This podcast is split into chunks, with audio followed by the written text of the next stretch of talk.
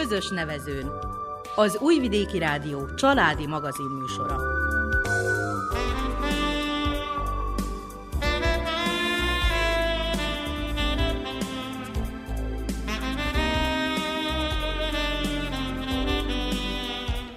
Köszöntjük hallgatóinkat a mikrofonnál Nánás Janikó és Miklós Csongor. A zenét Verica Polyákovics válogatja, a műszaki munkatársunk Gábor Róbert.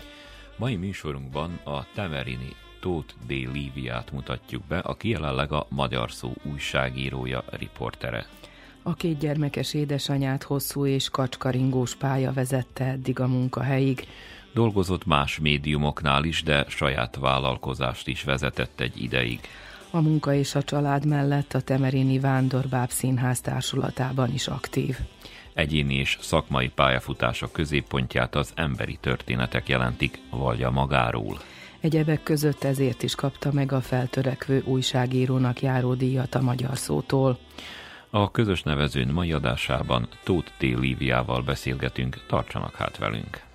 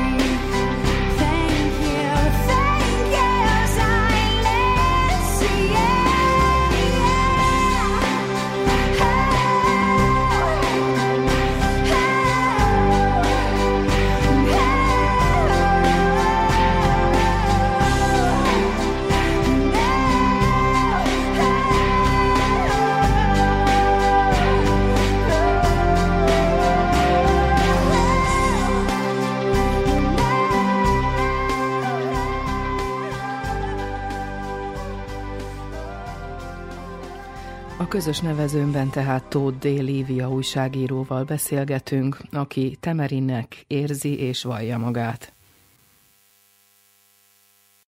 Ez a temerini vagy-e nem vagy -e, ez egy érdekes kérdés, mert én annak tartom magam. Na most, hogy a temeriniek engem annak tartanak-e, ez a másik, mert itt Temerinben nagyon sokan betáncoltaknak hívják azt, akik a szüleik ugye nem itt születtek, vagy nem itt tudnak sírokat felmutatni.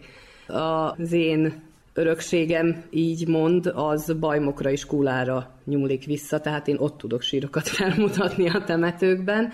Apum, anyum újvidéken találkoztak az egyetemen, és így kerültünk tulajdonképpen Temerinbe, de én három éves koromtól itt élek, én mást nem ismerek, tehát én Temerininek tartom magam, és nagyon szeretem ezt a közösséget, nagyon szeretem bennük a megmaradás vágyát, azt a kemény, csökönyös, temerini fölfogást, ami szerintem mai napig itt tartotta ezt a magyar közösséget, és megtartotta itt. Ebbe csöppentem bele annak idején a Szirmai Károly Magyar Művelődési Egyesületbe is, ott népzenészként, citerásként tevékenykedtem, majd pedig ezt a szállat követve Vajdaság más területein is oktattam is citerát, illetve vezettem citera zenekarokat. Annak idején úgy gondoltam, hogy ez lesz az életem, és ettől tovább én nem is akarok, és nem is kell mennem. Maga a közösség, amit egyrészt itt ebben a Művelődési Egyesületben tapasztaltam, illetve Vajdaság szerte is az egész népzenei mozgalom hangulata, élni akarása volt az, ami engem arra irányított, hogy ha csak lehet, akkor ebben maradjak meg. Fejeztem be egy citraoktatói továbbképzéseket Magyarországon, több együttest is vezettem, nagy részt a délbánátot fettem én, mert ugye magunk között is területileg kicsit megoszlott ez, azok között, akik képzéseket fejeztek be ilyen szempontból. A délbánáti területet fettem én, tehát Ürményházán, Versecen, segítettem a citerásokat, illetve maradékon is volt egy pár belendülés, többé-kevésbé sikeresek voltak, vagy nem, de Ürményházán, Versecen, Székekevén volt egy saját mozgalom, ahova időnként hívtak vissza, tehát ezt a részét igyekeztem fenntartani a szorványmagyarságnak ilyen szempontból, amennyivel tudtam, hozzájárultam. Aztán valahogy az életnek ez a korszaka nem zárult le, mert igazából bennem soha nem zárult le, tehát ez végig kísér életem folyamán, a mai napig is. Nem zárult le, csak vett egy másik irányt is. Családalapításba kezd gondolkozni egyszer csak az ember. Közben, ami a tanulmányaimat illeti, pszichológiára jártam, mert ilyen világmegváltó szándékaim is voltak annak idején fiatalként, mint ahogy mindenki másnak. Hát aztán az élet ö, hozta azt, hogy ez abba maradt. Nagyon korán elveszítettem anyukámat, ápolnom is kellett egy bizonyos ideig, de ettől én még az egyetemet csináltam, csak muszáj volt egyszerűen munkába állnom. Pénzre szükség volt, ezt tudjuk mindannyian, hogy ez sokszor nagyobb úr, mint az álmok. Úgyhogy akkor végül is elhelyezkedtem a helyi CMH irodában, ott kaptam lehetőséget, életben nem gondoltam volna, hogy valaha én adminisztrációval foglalkozok. Ez azért nem az én zsánerem, és nem szívem csücske, de viszont nagyon sok mindent megtanultam ott is, amit használtam utána az életbe. Tehát a pontosságot, a következetességet, a határidőket, azt ott sajátítottam el, vagyis ott ragadt rám bizonyos tapasztalat, mert ezt inkább annak hívnám. Később saját vállalkozásba is belekezdtem, mert hogy apukám nyomdokain tovább képeztem magam grafikusként. Tehát reklámanyagok kidolgozásával foglalkoztunk a saját kis családi nyomdánkban.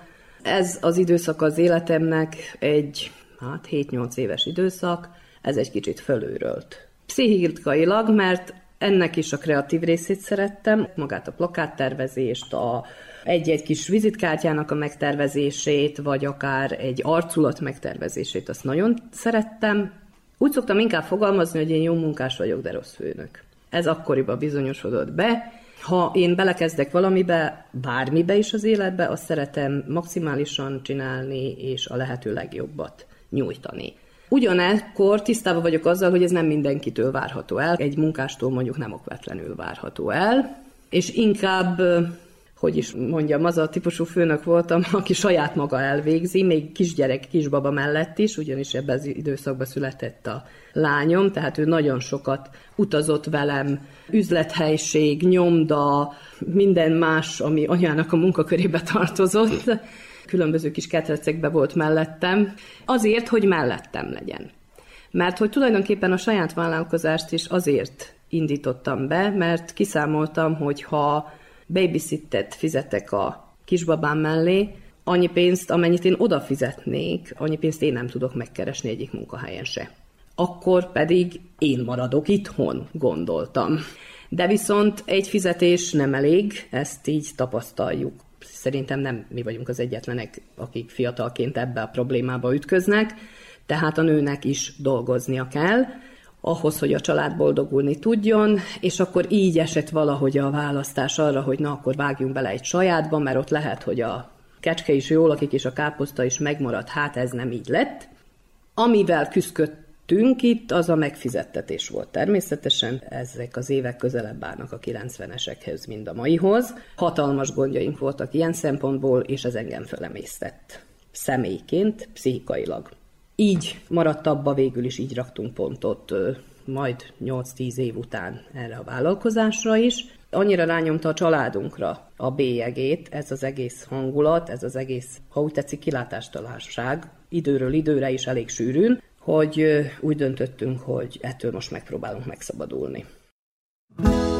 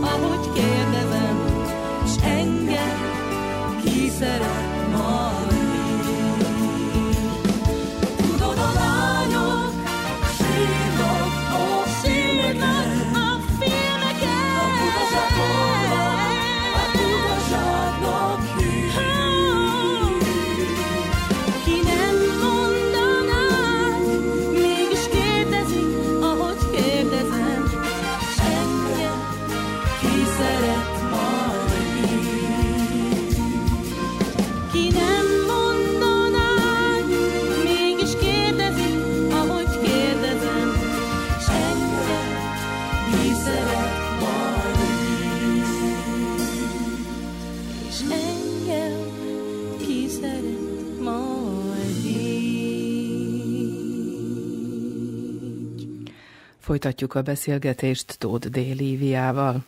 Mint hallottuk, a magánvállalkozás felemésztette a család energiáját, ezért fel kellett számolni. Adódott azonban más boldogulási lehetőség. Ebben az időszakban kaptam lehetőséget a Temerini rádióban. Illetve ez az az időszak, ahol talán megnyugszunk, és megszületik a kisfiunk is. Tehát ebből a stresszből kiemelkedve. Igazából tervezni terveztünk mi a második gyereket sokkal előbb, csak valahogy nem jött össze nyilván. Ezek azok az évek tehát, amikor lehetőséget kapok a Temerini rádióban újságíróként. Előtte magával az újságírással komolyabban nem foglalkoztam soha, de soha nem riadtam meg az új kihívásoktól. Tehát én nekem úgy látszik időről időre, így öt évente váltanom kell valahogy az életembe, ahhoz, hogy érezzem, hogy előre haladok, vagy végül is ezt még mai napig nem tudtam magamnak megmagyarázni, hogy miért. Szóval szembenéztem vele, és ott ugye az nagyon jó közösség volt. És az idősebb kolléganőktől én rengeteget tanultam. Végigjártam ezt az iskolát a Temerini Rádióban, tehát bemondóként is vezettem műsorokat, sőt a művelődési műsor az a végére az én szerkesztésem alatt történt, illetve a gyerekműsor. Emellett az akkor igazgatónő ötlete volt az is, hogy egy bábszínház induljon meg, ugyanis a rádió is a művelődési központ keretében működött, akkor már művelődési és tájékoztatási központnak hívták ezt Temerinbe, tehát így tudták megmenteni a Temerini rádiót.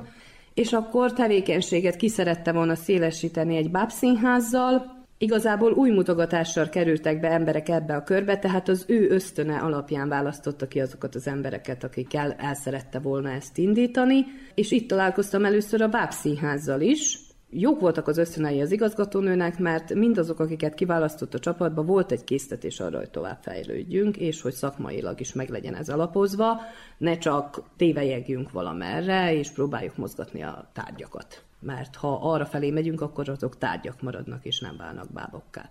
Ilyen szempontból kértünk szakmai segítséget, Molnár Roberttől meg is kaptuk, ő akkor már több éve Magyarországon dolgozott az Alaegerszegi Bábszínházban, tehát tapasztalata volt, ugyanakkor viszont kolléganőm Garbat Sarolta, annak idején még ároknak, szintén kollégája volt a Művészeti Akadémiáról, Úgyhogy eh, itt így kicsit összefutottak a szálak, segítségünkre volt, és beindult ez a Bábszínház a művelődési központon belül. Természetesen ez mellett mi a rádiós tevékenységeinket folytattuk.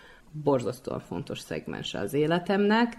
Valahogy itt éreztem azt, hogy eh, sokféle dolog, amit én megtapasztaltam, vagy meg akartam tapasztalni az életbe, az összeállt.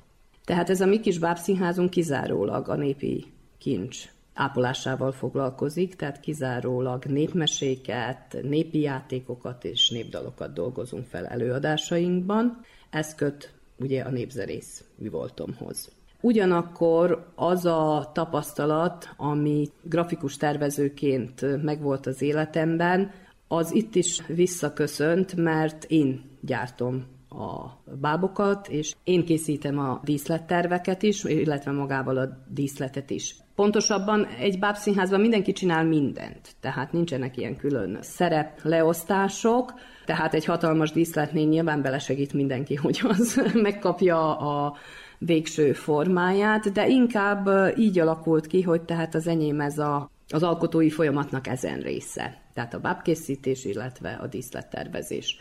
Ezt imádom.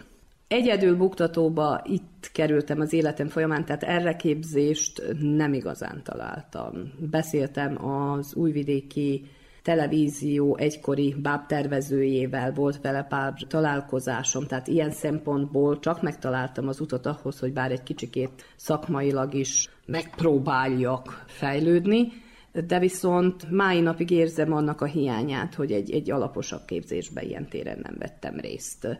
De ugyanakkor ez az egész bábszínházra vonatkozik, mert mindannyian csak tapogatózzunk, és igazából nem találjuk azokat a képzéseket, ahol ezt jól, vagy nem is jól, akárhogy meg tudnánk kapni ehhez az alapot. fejlődött az internet, hozzá lehet jutni olyan anyagokhoz, amik hát sajnos nem magyarul, vagy szerbül, vagy angolul íródtak, de ugye a román vagy a cseh bábozásra alapozni lehet, Hát most, hogyha Google fordítós variációba kell ezt elolvasni, akkor kicsit belepistulunk, de haladunk. Tehát vannak nehézségei, de ha az ember akarja, akkor mégiscsak valahonnan alapot tud szerezni, illetve ehhez ugye nagyban hozzájárul mondjuk az előadás elkészítéséhez, zeneileg nyilván én, mert népzenével támasztjuk ezt alá, viszont rendezőileg, szövegírásilag a Sarolta tapasztalata a Művészeti Akadémiáról, tehát azért itt sokféle szál áll össze. Később már elkezdtünk az Újvidéki Televízió rendelésére televíziós bábos gyerekműsort is készíteni az okostojást, annak már az ötödik évada fut az Újvidéki Televízióban. Ott viszont nagy segítségünkre voltak azok a filmesek, többek között Hoffman Artúr, akiknek tapasztalata volt a televíziós rendezésben. Ha olyan emberek állnak össze, akik szeretnének valamit, és közösen valamiért mozdítanak valamit, akkor szerintem csak előre tud haladni a dolog visszafelé soha. Milo,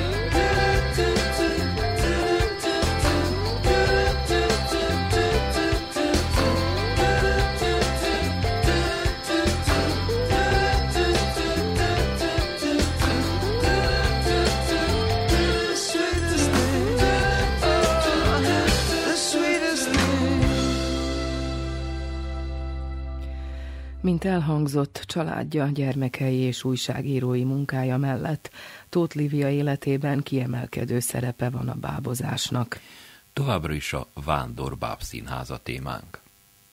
Ez az a kreatív része az énemrek, amire szükségem van ahhoz, hogy én akár másba is működni tudjak, és hely tudjak állni. Tehát ezt soha nem engedném el. Másrészt viszont ez a harmadik gyerekem, mert valahol a bábszínháznak a kiválása is a művelődési központból az a Sacihoz és hozzám köthető. Tehát mi voltunk először azok, akik itt Vajdaságban láttunk lehetőséget abba, hogy utazó színházként és társulatként ez tudna működni. Természetesen a létező hivatásos brápszínházaknak voltak erre kísérleteik, illetve bizonyos színészek hakniztak is, ha így tetszik, mert így szoktuk mondani, tájoltak ezzel, de szervezetten és állandó jelleggel ez nem volt jelen Vajdaságba, addig még a Vándorbáb Színház el nem kezdett működni. Tehát mi nagyon komolyan indultunk útnak, rendszeresen jártunk óvodákba, iskolákba, heti kétszer, háromszor, négyszer, ötször, ahányszor kellett, illetve ahányszor össze tudtunk szervezni egy utat.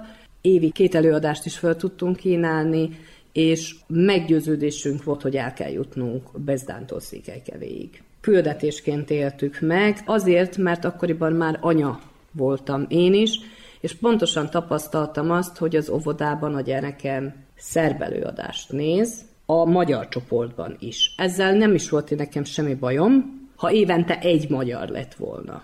Mert hogy havi szinten néznek általában gyerekek óvodáskorban előadást az intézményen belül, az óvónénik mindig mondták, hogy ez kizárólag azért van, mert nincs. Mert ők a gyerekeket nem vihetik el okvetlenül bárhova kőszínházba, tájoló társulatot még nem találnak Vajdaságban. Később már javult ez a helyzetkép, tehát voltak óvónők is, akik összeálltak, és utaztattak egy-egy előadást, aminek nagyon örültünk, hogy nagyon sok helyen később már azzal is találkoztunk, hogy didaktikus eszközként használják a bábokat, az óvónők, tanítónők is akár, tehát később már ez fejlődni látszott, nem okvetlenül hisszük azt, hogy ez akármiféleképpen is kötődik a mi tevékenységünkhöz, de jól esett látni azt, hogy, hogy valami elindult.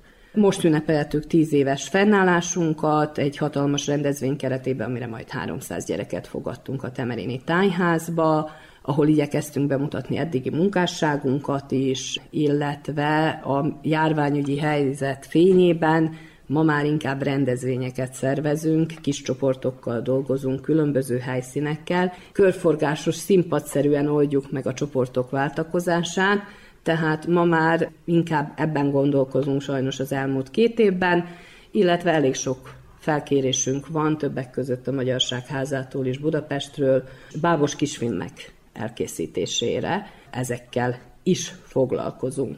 Egy másik szép példája annak, hogy hogy ötvözöm magát a munkát a családdal, az pont az okostojás gyerekműsor, mert abban annak idején ugye a lányom az kiváló eredményeket ért el szavaló versenyeken, és akkor így egy másik fiúval együtt, aki szintén temerini és jó eredményeket ért el, szinkron hangá váltak két kicsi animációs figurának, tehát tulajdonképpen együtt dolgoztunk a lányommal kiskorától fogva, a koronavírus járvány hozta viszont azt, hogy ugye kevesebbet mehettünk iskolákba, óvodákba, illetve egy időszakban egyáltalán nem mehettünk a produkcióval iskolákba, óvodákba, ahol egyébként rögzítettük a műsor egyik részét. Hozta azt, hogy a kisfiam is szereplőjévé vált ennek a történetnek, úgyhogy a gyerekekkel tulajdonképpen anya ilyen szempontból együtt dolgozik, és ezáltal is megpróbálom őket valahogy arra felé irányítani, hogy a munkának értéke és megbecsülése van egyik feléről, másik feléről pedig szükséges ahhoz, hogy megvalósítsuk céljainkat, álmainkat.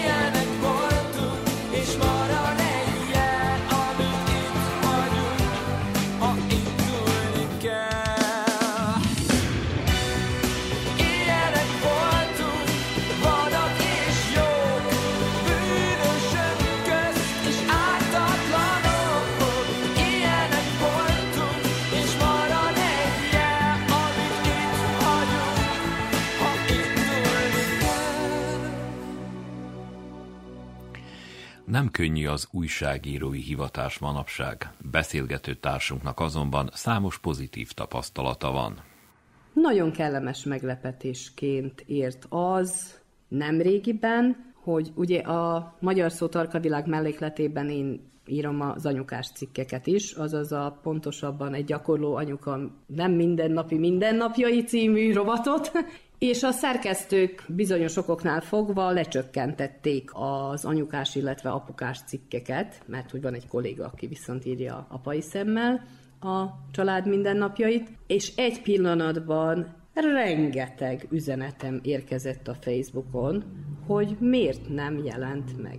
Én nem tudtam követni, hogy azok az anyukás cikkek mikor jelennek meg, mindig kértem a szerkesztőmet, hogy legyen szíves, figyelmeztessen már, hogy ezen a héten le kell adnom, vagy mikor kell leadnom. Az olvasók viszont igen. Azonnal észrevették, hogy azonnal hiányzik. Ez egy nagyon kellemes meglepetésként ért. Nem szeretem magam illúziókba ringatni. Tehát körülbelül ez volt nekem is a meggyőződésem, hogy hát jó van, írunk, mink írunk, aztán ki tudja, ki olvassa el ezt, és hol. Mert hogy eleve most már ugye a rádiós, és később a Panon televíziós munkásságom után most már írott médiában vagyok, tehát a magyar szóban, és hát azt még úgy elhisszük, hogy a rádiót hallgatják a fiatalok, a televíziós műsorokat még csak-csak meg is nézik, ha más nem interneten, de hogy az írott sajtót ma már kiolvassa, ezt nagyon sokan megkérdőjelezik. Aztán egy pillanatban, mivel tinédzser lányom van, és nagyon szeretünk esténként vitatkozni, rákattantam erre a témára, hogy ugye XYZ generáció jellemzők és hasonló, és hogy ugye az idősebbek közül mindenki azt állítja, hogy nincs jövő, mert a fiatalok ilyenek vagy olyanok, és elkezdtem beszélgetni fiatalokkal. Nem okvetlenül szélszerűen, tehát nem az volt, hogy volt egy megbizatásom, újságírói megbizatásom, és arra készült. Egyébként lett belőle most cikk, majd a karácsonyi naptárban megjelenik. Mondhatom azt, hogy nagyon sok fiatal visszafelelt nekem a saját cikkemmel.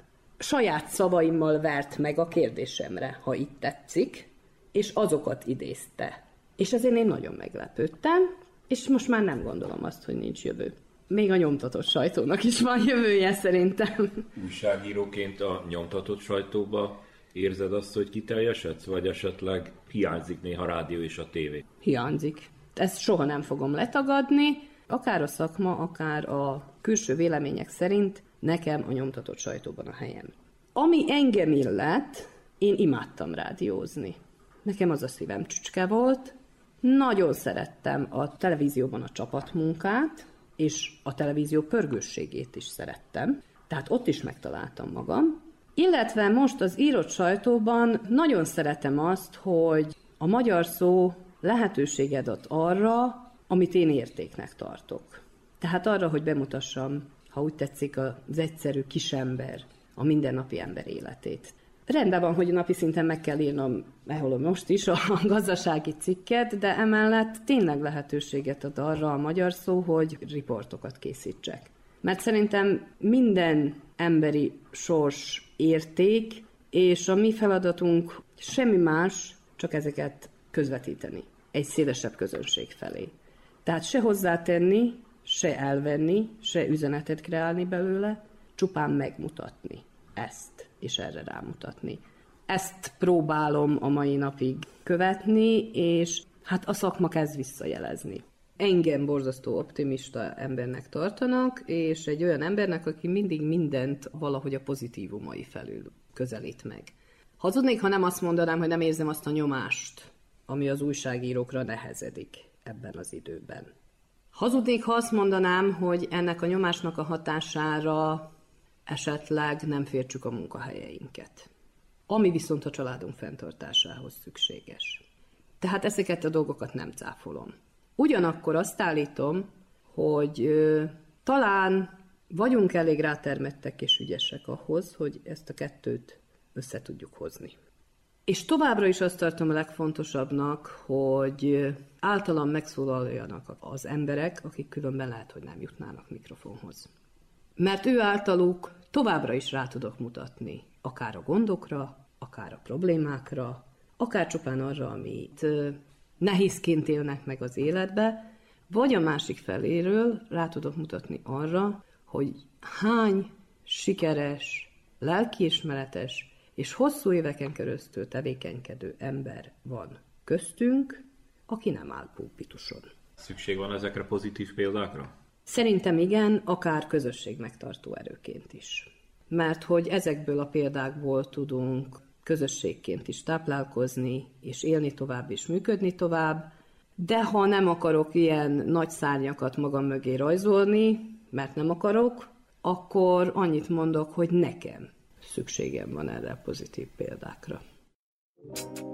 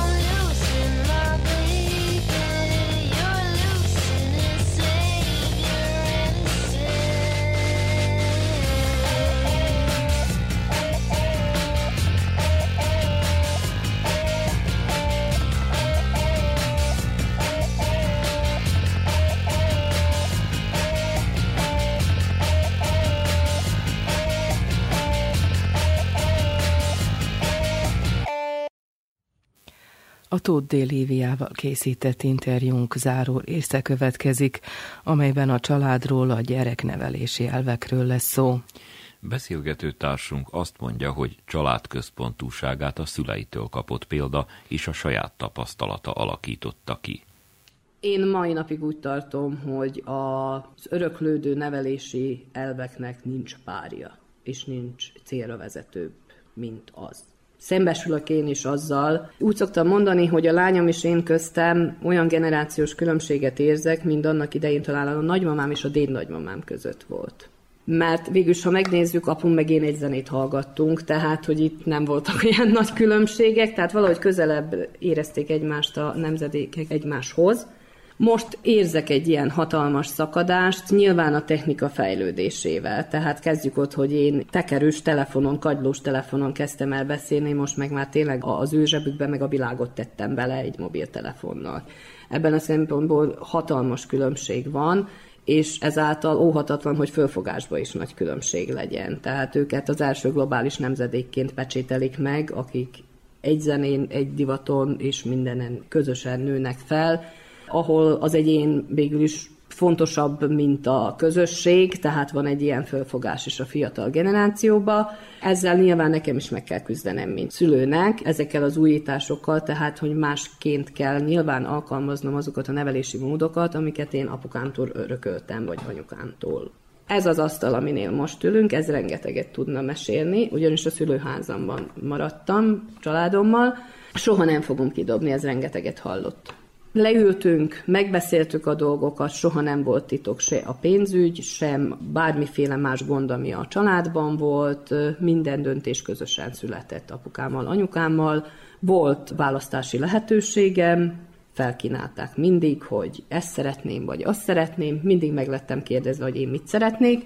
Aztán nyilván voltak határok is, és az volt a jó, hogy következetesen betartott határok voltak. Tehát, hogy eddig lehet, ettől tovább nem. Na most ugyanezeket, végül is tényleg ugyanezeket próbálom én alkalmazni a mindennapokban a gyerekeknél. Nem gondolom azt, hogy sikertelenül, azt se gondolom, hogy túlzottan sikeresen. Azért, mert csak van egy tinédzser lányom, akivel már nagyon sok, elég sok mindenen túl vagyunk.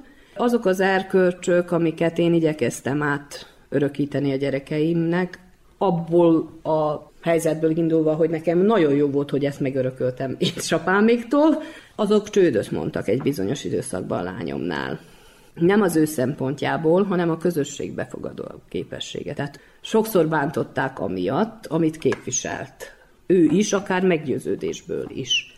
A fiamnál már lehet, hogy egy kicsit lazábban kezelem, ebből tanulva ezeket a, hát ha tetszik, szigorúan meghatározott erkölcsöket, mert szerintem a paraszti, egészséges nevelési logikától jobb nincs. Olvashatunk mink amerikai pszichológusokat, és próbálhatjuk azt beitatni a vajdasági környezetbe, ápolgathatjuk mink a gyerekünk lelkét, és érthetetlenné nyilváníthatjuk, ebből jó nem fakad.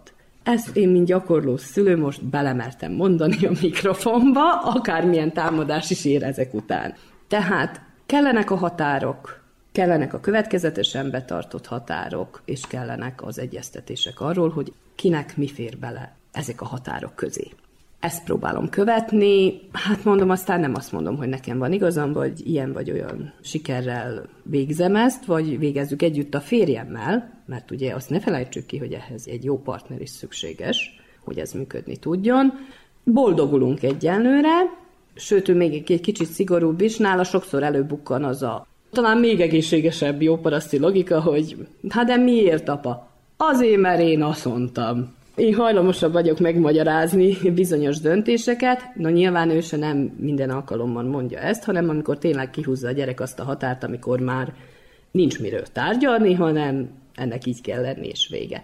Ezt mondom, hogy ez majd most az idő megmutassa, hogy mennyire volt az helyes, hogy mi maradtunk a szüleinktől átöröklött nevelési mód mellett, vagy pedig mennyire válik ez kárára esetleg a Neked nehéz, gyereknek. A gyerekeknek nehéz ezt betartani. Említetted, hogy lereagálta a társaság. Mindkettőnknek szerintem. Egyiket a másikától nem lehet szerintem elválasztani, mert abban a pillanatban, amikor a gyerek tényleg önmagáévá tesz egy olyan értéket, amit a szülő képviselt egyébként, és ez összeütközik a saját társai által vállalt nézetekkel, ebben az esetben a gyerek szenved. A szülő is szenved, látva a gyerekét, hogy az harcol valamiért, illetve szélmalom harcot vív valami ellen. Tehát nálunk ez valahogy egy közös küzdelem volt annak idején is a lányommal, amikor ez megtörtént. Ő benne is egy saját küzdelem, hogy ugye anyatársaság, anyatársaság, mi, nem is anya, hanem amit anya képvisel, és amit a társaság képvisel közötti összetűzés. Nekem meg, mint szülőnek, borzasztó fájdalmas volt ezt vele végigélni. És közben valahol mégiscsak kiállni az mellett, amit én addig is képviseltem az ő szemében. Ez egy nehéz periódusa volt az életünknek, hála Istennek túl vagyunk rajta. Várhatunk még egyszer rám, mert hogy van most egy harmadikos fiam. Mi a könnyebb egy újságírónak, egy szülőnek, vagy esetleg egy nőnek az önmegvalósítási céljai, akkor három közül mi a mi legnehezebb? Nem tudom szétválasztani. Nem tudom szétválasztani, mert ez most mind vagyok egyszerre. Annyiban tudok választ adni erre a kérdésre, hogy a karrierépítés az azért nálam mindig alacsonyabb szinten volt, mint az anyaiság. Konkrétan a Panon televízióból azért jöttem el, nagyon szerettem ott dolgozni, de azért váltottam munkahelyet, mert a kisebbik fiamnak szüksége volt rám. Elsőbe indult, egészségügyi problémákkal küzdöttünk előtte, ami kihatással lehetett a tanulmányára, és szüksége volt arra, hogy anya napi szinten 4-5 óra hosszát vele foglalkozzon. Ezt a televíziós munka mellett nem tudtam megtenni. Úgy látszott, hogy a magyar szóban a munka nem kevesebb, mert az ember mindig talál munkát, hogyha akar, Vagy találnak neki? vagy találnak neki, tehát nem kevesebb. Abszolút nem kevesebb, mint a televízióban, de talán flexibilisebb. Időbeosztás szempontjából. És nem volt kérdés, hogy a család vagy a munka. Nem. Nem, ezt a döntést meg kellett hozni, annak ellenére, hogy pont egy dokumentumfilm rendezői képzés kellős közepén voltam a Panon televízióban. A beszélgetés legelején azt mondtad, hogy 20 éves korodban, mint olyan sokan meg akartad váltani a világot, még mindig meg szeretnéd váltani a világot, és ha igen, akkor mitől? Nem szeretném tovább megváltani a világot. Viszont mindent megteszek annak érdekében, hogy a saját kis mikrotársadalmamban megtegyek mindent azért, ami azt működteti, és ami annak javára válik. Ez a mikrotársadalom egyébként elsősorban a család, másodszorban a barátaim, ismerőseim, munkatársaim, és persze nem utolsó sorban a temelini magyarság, vagy akár a vajdasági kis közösségünk is bizonyos szempontból.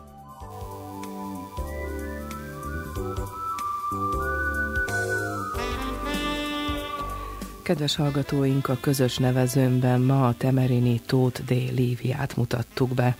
Adásunkhoz a zenét Verica Poljákovics válogatta, a műszaki munkatárs Gábor Robert volt, Nevükben is megköszöni figyelmüket Nánás Janikó. és Miklós Csongor. Maradjanak az Újvidéki Rádió mellett.